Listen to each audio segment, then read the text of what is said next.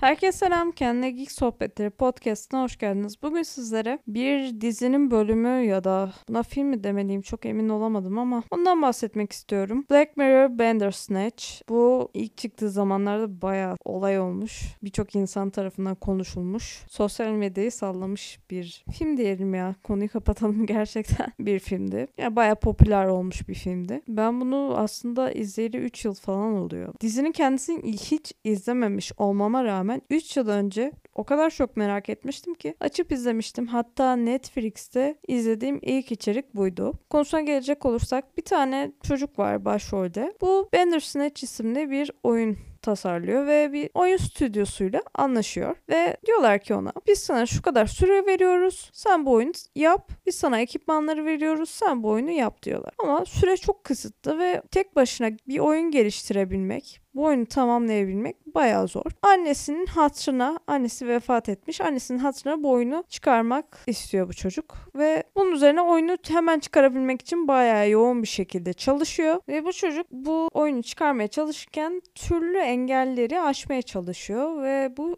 engelleri aşabilmek için sizin filmi izlerken seçimler yapmanız gerekiyor. O seçimlere göre filmin sonu değişiyor diyebiliriz. Daha doğrusu böyle sanıyoruz ama aslında filmin sonu değişmiyor. Ve şöyle bir şey var ki mesela size bir seçim yaptırtıyor. Atıyorum bir şeyler içecek misin diyorlar mesela. Ben de dedim ki mesela yok ben içmek istemiyorum teşekkürler. Yok yok sen içersin dediler ve zorla bana bir bana meyve suyu koydular ve o meyve suyunu illaki içtim. Mesela böyle düşünelim. Spoiler olmasın diye meyve suyu diye örnek veriyorum. Yani sürekli olarak seçimlerinizde siz neyi seçerseniz seçin aslında filmde kontrol sizde değil. Bu replik çok fazla tekrarlanıyor ve kontrol sende değil. Kontrol sende değil. Bu repliği aklınızdan çıkarmayın. Çünkü aslında film devam ettikçe seçimlerinizin çok da önemi olmadığını anladığınızda yani çok da önemi yok diyemem ama küçük şeylerde çok da önemi yok. Kontrolün sizde olmadığını anlıyorsun. Filmin sonu bana kalırsa filmdeki en tuhaf şey olabilir ki film aşırı tuhaf bir film gerçekten. Çok gizemli. Zaten başroldeki çocuğun hareketleri tuhaf. Çocuğun kendisi tuhaf. Filmin ilerleyişi zaten tuhaf. Alternatif bir film. Sizin seçimlerinize göre ilerliyor. Şöyle bir tuhaflık var ki filmin sonunu ben aslında aslında filmde daha fazla ilerleyemediğimde anlamıştım. Belli bir noktadan sonra aa dedim bu ilerlemiyor. Yani bir şey yapıyorum. Bir seçim yapıyorum. Sonra seçimi beğenmiyor. Beni geri atıyor. Tekrardan seçim yapmamı istiyor. Bu sefer seçim yapıyorum. Gene beğenmiyor. Tekrardan başa atıyor.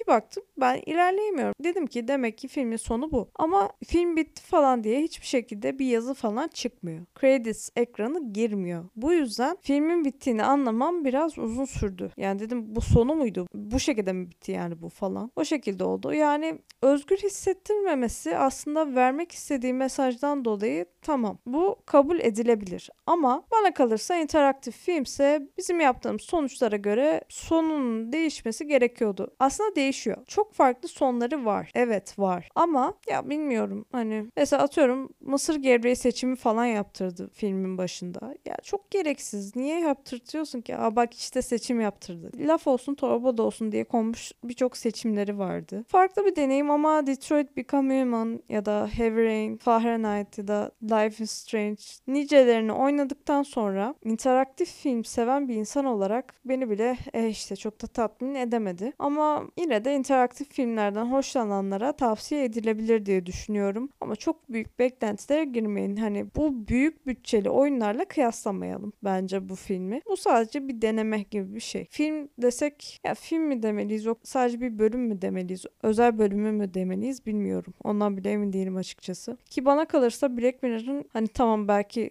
konsept olarak en farklısı ama en güzeli kesinlikle değil. O yüzden farklı bir deneyim olduğu için kesinlikle izleyin. Gene de değişik bir deneyimdi. Black Mirror hayranlarına kesinlikle tavsiye ediyorum. Bu filmle ya da özel bölüm diyelim ilgili söyleyebileceklerim şimdilik bu kadar. Bir dahaki podcast'te görüşmek üzere. Şimdilik hoşçakalın.